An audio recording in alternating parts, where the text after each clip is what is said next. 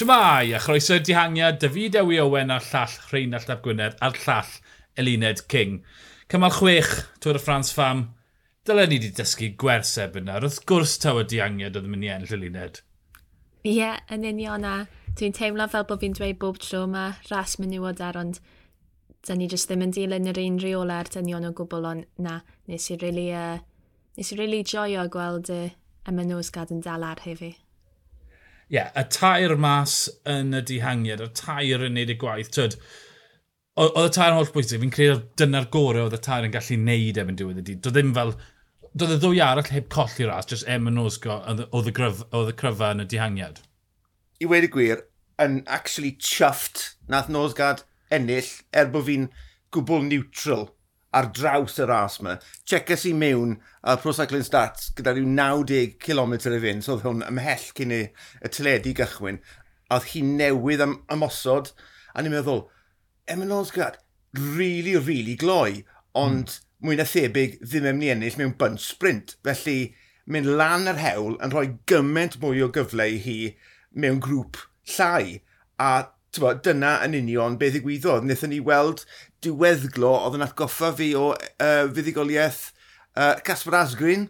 Mm -hmm. Ti'n lle ti'n cael y, y shot na o'r linell derfyn yn edrych lawr tuag at y kilometr ola gyda'r y peloton fel ti'n bod, haid o gyffylen dod lan ato ti. A ti'n meddwl, oh my god, odi wi, odi wi, nadi, odi, odi!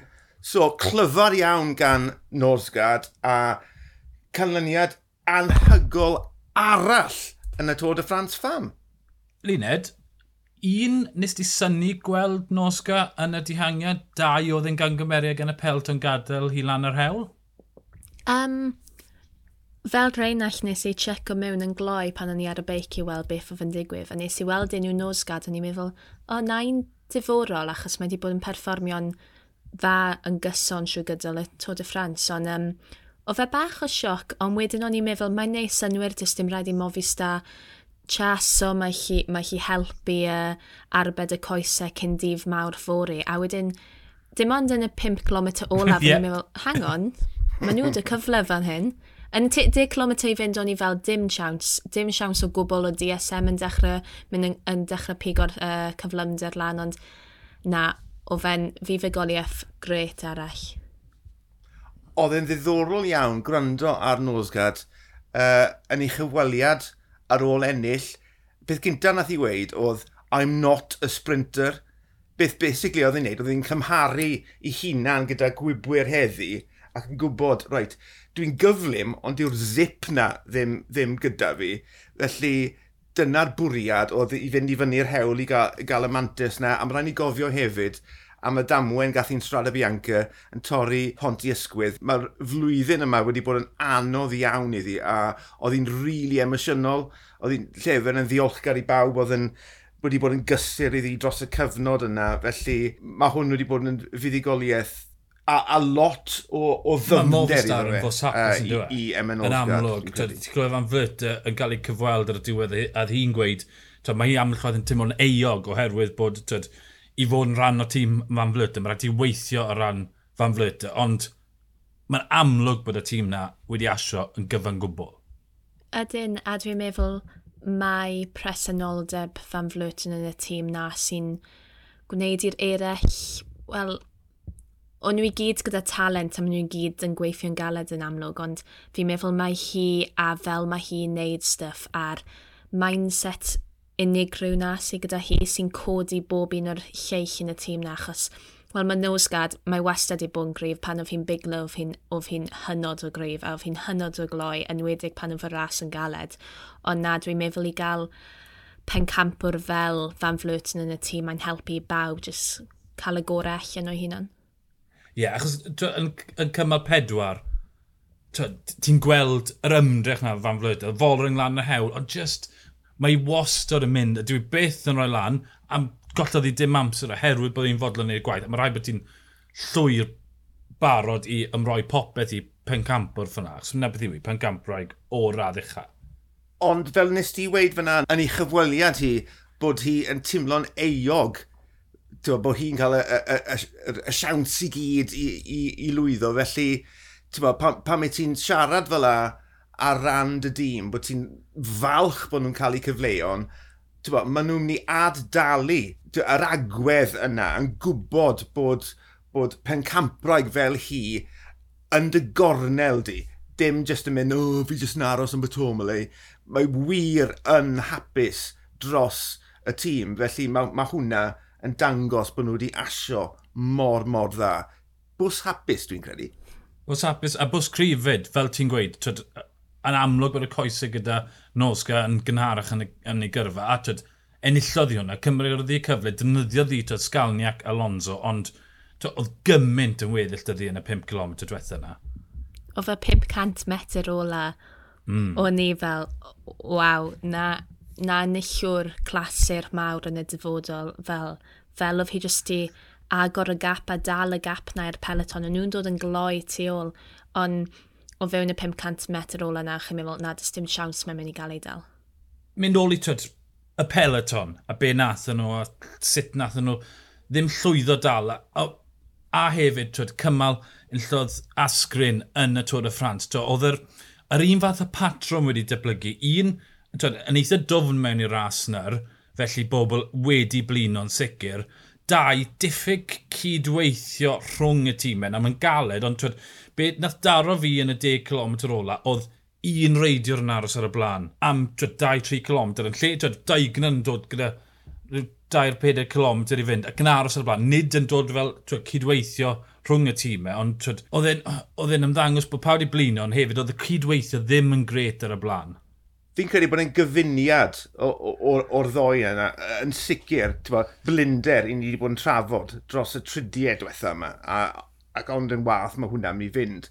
Ond fe oedd na ymdrech i gydweithio, bod Iambo, DSM a UAE oedd y tri e, oedd yn, yn gweithio, felly bod nhw ddim cweit wedi gweithio rhythm mas, achos bydde ti'n meddwl gyda'r tri tîm na yn cydweithio at yr un pwrpas, fe ddylse fe wedi gweithio, ond ie, yeah, falle mae'r rhythm yna bod nhw ddim wedi rhannu'r gwaith yn ddigonol nath, nath achosi fe, achos fe ddylse nhw, fe ddylse nhw wedi tynnu hwnna'n ôl. Dwi'n meddwl fod dewin iawn o fe jyst yn un neu unigolion o bob tîm nes, nes i weld Holden yn neud lot o waith ar gyfer UAE a wedyn un yn cymryd dros o DSM, un arall yn cymryd dros o Iwmbo. Felly o fe mm. jyst fel, o fe jyst yn tair yn erbyn tair.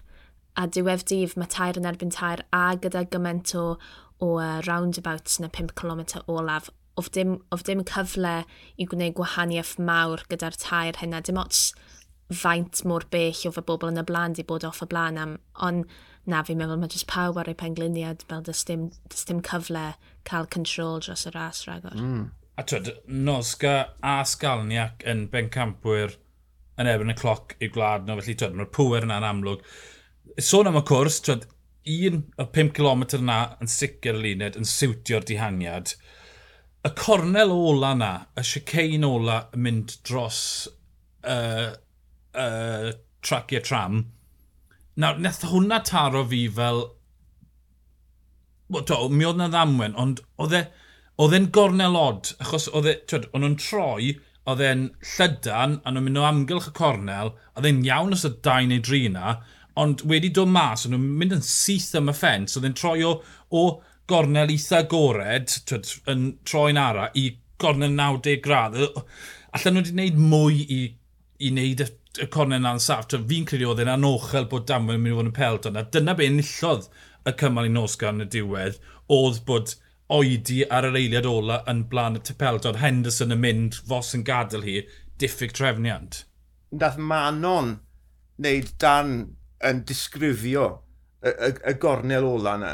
A cyfuno hwnna gyda'r shot o'r hofrennydd wrth bod y dihangiad yn dod trwyddo. Ti'n mynd, Blinkin ec, mae hwnna'n din. A pa math y dihangiau trwyddo, y peth cynta dath trwy'n meddwl i, wo, mae trwbl fan hyn, mae trwbl fan hyn. Bod ti'n cael haid o bobl yn dod trwy rhywbeth mor dyn ac ongl fel la. A, a fi'n credu, oedd e'n anochel. Ie, yeah, y ddamwen e, wrth gwrs, wedi rhoi help llaw i'r dihangiad, ond o dim eisiau, o dim eisiau rhoi rhywbeth mor, mor dyn na hynny km o'r linell, gyda 1 km union syth i'r linell yn syth weddi'r gornel. Ie, yeah, sa'n siŵr amdani. Uh, achos fel arfer gyda clometr i fynd mae pawb mewn un llinell anyway, a dyn ni'n gweld y tro ar ôl tro yn rhasys pan maen nhw'n rhoi rhywbeth sy'n fiogel ar bapur na lle mae'r damweini cas fel arfer yn digwydd achos mae gymaint o bobl gallu fod lan na. Ond os ych chi'n os ych chi ti fas y dig pymtheg uchaf ar y cornel na anyway, so chi'n mynd i ennill. Felly, dwi'n meddwl fod y bach yn counterintuitive, dwi'n meddwl o fe'n actually wneud yn bach fwy diogel i gael rhyw fath o newid yn cyfeiriad fel achos mae'n neud yn siŵr fod bobl methu dod o 20 safle nôl a wedyn dod i'r blanet. O felly, dwi am meddwl fydde'n neud y bach fwy diogel a o fe bach yn bizar dam wyna, so oedd neb ar y llawr ond oedd jyst rhywun di gollwng chan neu rhywbeth, fydd ma'n gwybod be na ffigwyf achos oedd dim cyrff ar y llawr o gwbl, so...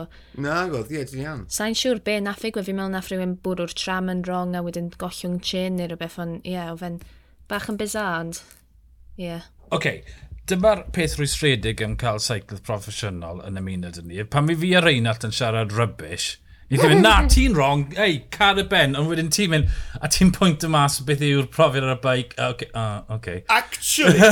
rai fi derbyn e. mae pawb yn gwybod kilometr i fynd, mae rai chi fod yn y genicha, so os mae rhywbeth yeah. sy'n oh, yeah, fforsoch chi fod yna diogelwch wais, mae actually... Mae, mae mae yn counterintuitive achos chi'n mynd, oh mae gymaint o gorneli, mae'n mae, mae, mae beryglis, ond mae'n actually lot fwy diogel achos mae llai o bobl i ymladd dy. Un problem bach gyda hwnna yw ti wedyn ni'n goffod ystyried yr elfen dynol neu yr elfen menywod. Dim pawb yn mynd i feddwl bo, a, a sens gyda'r pen ar dan kilometr o'r, or linell derfyn. Yn, yn anffodus, ti ddim yn gallu trysto pawb a, ma, a dim ond un person mhm. sydd angen i wneud rhywbeth gochwyth, a wedyn ni ni'n gweld rhywbeth fel, fel welon ni hefyd. Fi'n fi derbyn beth be ti'n gweud gant y cant. Bo, mae hwnna, er bod e, fel ti'n gweud, counterintuitive, mae hwnna'n neud gymaint o synwyr i fi. Joc yn un i, i, i, i fi. mae ma fe'n gret cael dy lais ti, mae fe bach yn rwystredig fyd, gwybod na na. Sa'n lli cwmpa mas no fi. Fi lli gweud rhain ar gael i ben, dim ti. mae eisiau cadw ni mewn lain weithiau, mae hwn yn addysg da i'r ddoi o ni. Uh, Ond on hefyd, twed, oedd na ddamwen, ond dal y coesau gorau yn y pelton oedd e, ddim yn osga chwarae teg iddi. Um, newyddion arall yn y pelton heddi, Lotta Hentala yn cael ei ddiarddel o ras ynghyd ar DS, ynghyd ar car, am ddal mlaen i'r car. Wel, mae rhaid i cael ei dwylo mas, ond oedd e? dda? Os, mae rhaid i nhw wneud esiampl o reola yn amffodus a fel nath ni weld fo gyda Foldring, dyma ras fwyaf yn y byd. A os ych chi'n gadael i bobl gael getaway yn ras fel y Tod y Ffrans, wel, dys dim pwrpas i reola. Felly, na mae'n siom yn wedig fod hi a'r dîm mor brofiadol gyda pethau fel hyn. Mae yn siom enfawr, ond nath ni weld hi, mae wedi bod cael amser caled ohono hi. So, sa, sa chi beio hi fel, fel person, ond ie, yeah, fel athletraig, mae'n bach yn siomedig i weld. A sôn am ddiarddel a sôn am Demi Follering, y DS Danny Stam. hefyd wedi cael ei ddearddel o'r ras. Mae'r UCI wedi gweud dreifo peryglis a hefyd i ymateb e i uh, yr 20 eiliad ar ôl y linell derfyn. Felly, ie, yeah, tipyn o ddiarddel mewn uh, 4 awr yr 20. O fe ddim rei hapus o fo. Na. Beth oedd yn bod yna fe? Come on, oedd y car ar, ar y gwair tra bod seiclydd ar y dde, twyd, doedd dim lle. Gobeithio mewn twyd, wythnos bydd yn gweld be mae pawb arall yn y byd seiclo. Achos yn anaml iawn fi'n gweld penderfyniad yn cael ei gymrydwyo gant y cant gan pawb. Twyd, oedd e'n bryglis be nath e. A, a, twyd, falle, falle bod mwy o gyfle gyda Folring e, ennill yna bod e mas o'r car, achos mae'r ma tactegau wedi bod yn shambles, oedd penderfyniad nath e fyna yn gwbl anghywir. Ie, yeah, fi'n falch bod e mas o'r ras. O, dynion mewn hyff Stim byd gwath. Na, i ddim wneud comment ar yna.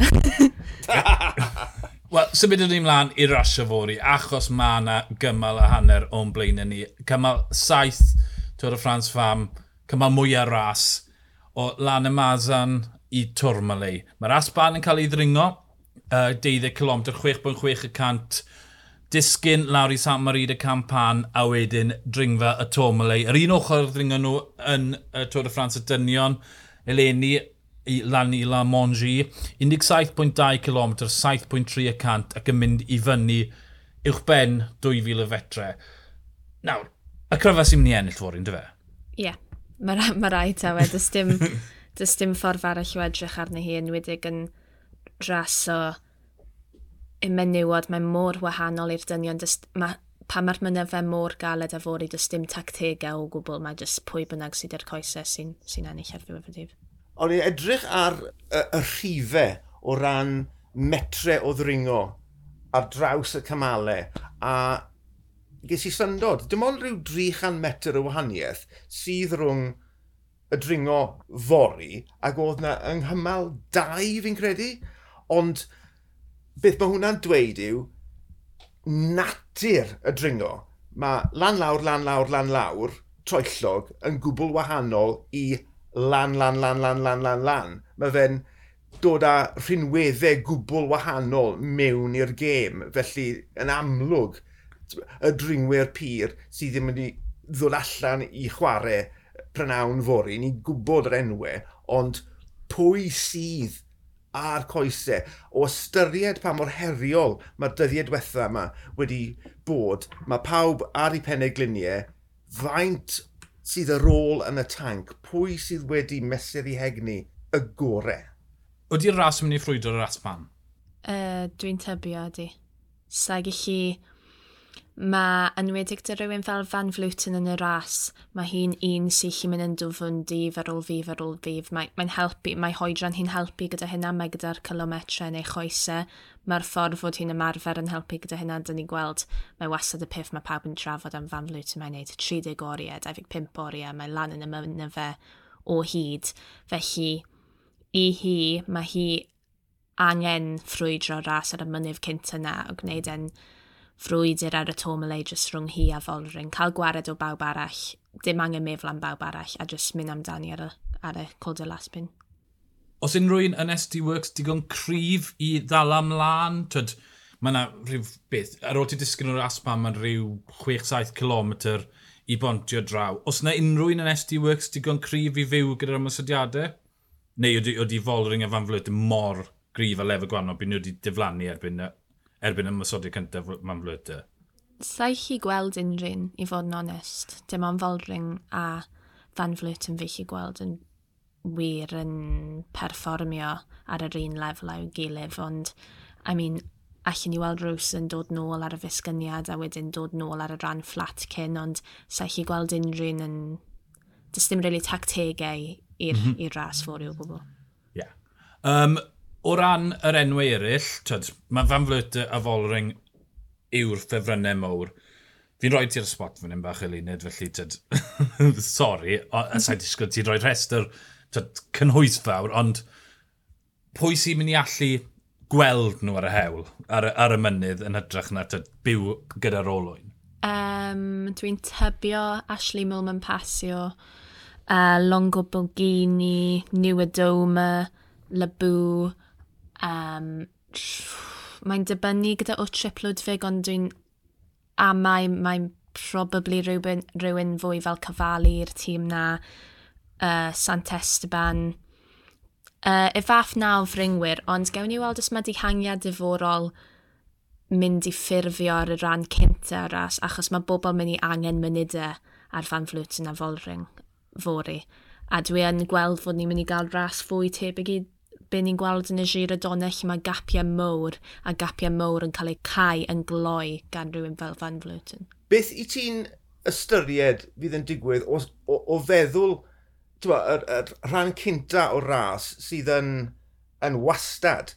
Twa, sut mae hwnna'n mynd i weithio mas i ddihangiad? Achos twa, yn ras rasau'r dynion, ti'n cael 100 km fflat a mae pob, maen nhw jyst yn pwno'i gilydd, pwno'i gilydd, pwno'i gilydd, tan bod na'r ddringfa, rhywbeth sydd yn rhoi cyfle i rhywun cryfach i dorri bant. I ti'n gweld rhywun yn gallu torri bant ar y gwastatur cyn bod nhw hyd yn oed yn cyrraedd yr asban?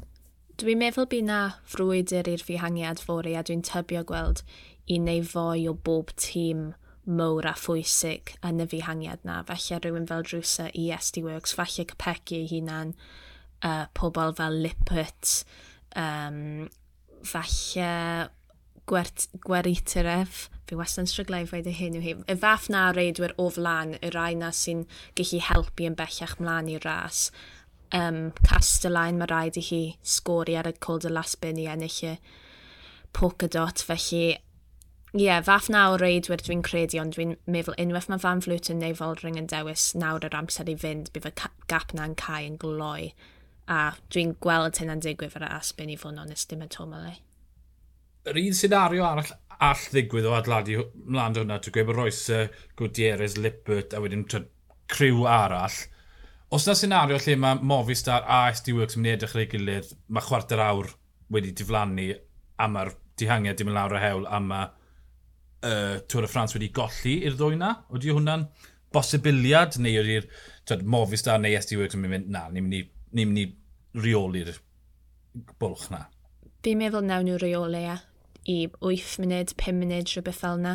Dyn ni'n gweld y fath ma o ras o drwy'r amser tro, ar ôl tro yn y girodonau yma. Mae'r ddihangiad gyda 4-5 munud yn mynd i'r mynydd law wedyn mae'n mynd yn syth unwaith mae rhywun yn dewis i fynd. Felly, na, dwi'n gweld y, y rhain ar y ail res o'r fosbarth cyffredinol, y rhain a sydd digon cryf i'r deg uchaf, ond sy'n munudau tu ôl y dwy ffefryn yn y mynd lan y rewla. Ie, yeah, sa'n sa chi gweld y fihangiad yn mynd na hi fori ar gyfer y cymal fi, mae'n rhy bwysig i fol ring a fan flwt yn ei adael hynna figwydd. Yr un cwestiwn ola sydd fi, twyd, roi cyd-destun llynedd, welon ni fan flwt yn diflannu lan y hewl, fol ring twyd, ddim cweit wedi esblygu fel reidiwr mewn i'r reidiwr i'w i eleni. Os na newid yn y paratoi, o newid yn y twyd, ffyrdd y reidwyr o ran... Mae'r Tôr y Ffrans wedi dod mewn a mor bwysig i'r peloton. Os yna ti wedi gweld newid, bod rhaid i traws newid mewn i dringwyr cryfach neu twyd, newid yn yr ymarfer, bod pawb yn ceisio twyd, codi'r brig erbyn mis gorffennaf? Os dwi'n meddwl fod na wedi bod newid enfawr yn y peleton yn y flwyddyn diwethaf, mae hi'n oed tîmau llai fel gyda ni ar Life Plus, ni'n gwybod fod Ella Wiley wedi treulio pimp wythnos yn altitude, a llynaf basa hynna byth wedi digwydd. Mm. So dwi e ddim jyst nawr fan flwytyn yw'r unig un sy'n mynd i altitude, mae mae ma pawb yn neud e nawr, mae'n rhywbeth ma, ma dwi e ddim yn gein unrhyw mwy, achos mae ma, ma pawb ar yr un lefel ar rhywbeth fel yna, ond na, mae fwy o arian yn dilyn y Tôr de France Fem Llynefa, mae yna meddwl fod fwy o bobl yn y prep bach fwy specific ar gyfer mynyddau mawr fel y Tomele. Ac felly, ie, yeah, gobeith bod y rhestr o rhai sy'n fewn mynd, uh, mynd i fod yn fwy na'r un oedd llynedd. Tyd, oedd yn ddinistr llynedd ar y, ar y cymal dringo. Felly, ie, yeah, gobeithio gweld mwy o ymladd, ond y ddwy na sy'n ffefryn anferth, ydw fe? Ie, yeah, yn union, fi'n meddwl taw nhw dwy fydd cynta ail. Sa'n gwybod pa ffordd mae'n mynd i ddigwydd, pwy sy'n mynd i fod yn gynta, pwy sy'n mynd i fod yn ail, ond ie, yeah, rhwng nhw dwy dwi'n credu mae'n mynd i fod. Wel, gen i weld fori. Ymunwch dyn ni wedi'r cymal i drafod digwyddiadau cymal saith. Ond fi, Dewi Owen, a llall Rhain a Llap Gwynedd, a'r llall Luned King. Ni'n disgwyl mlaen. Hwyl.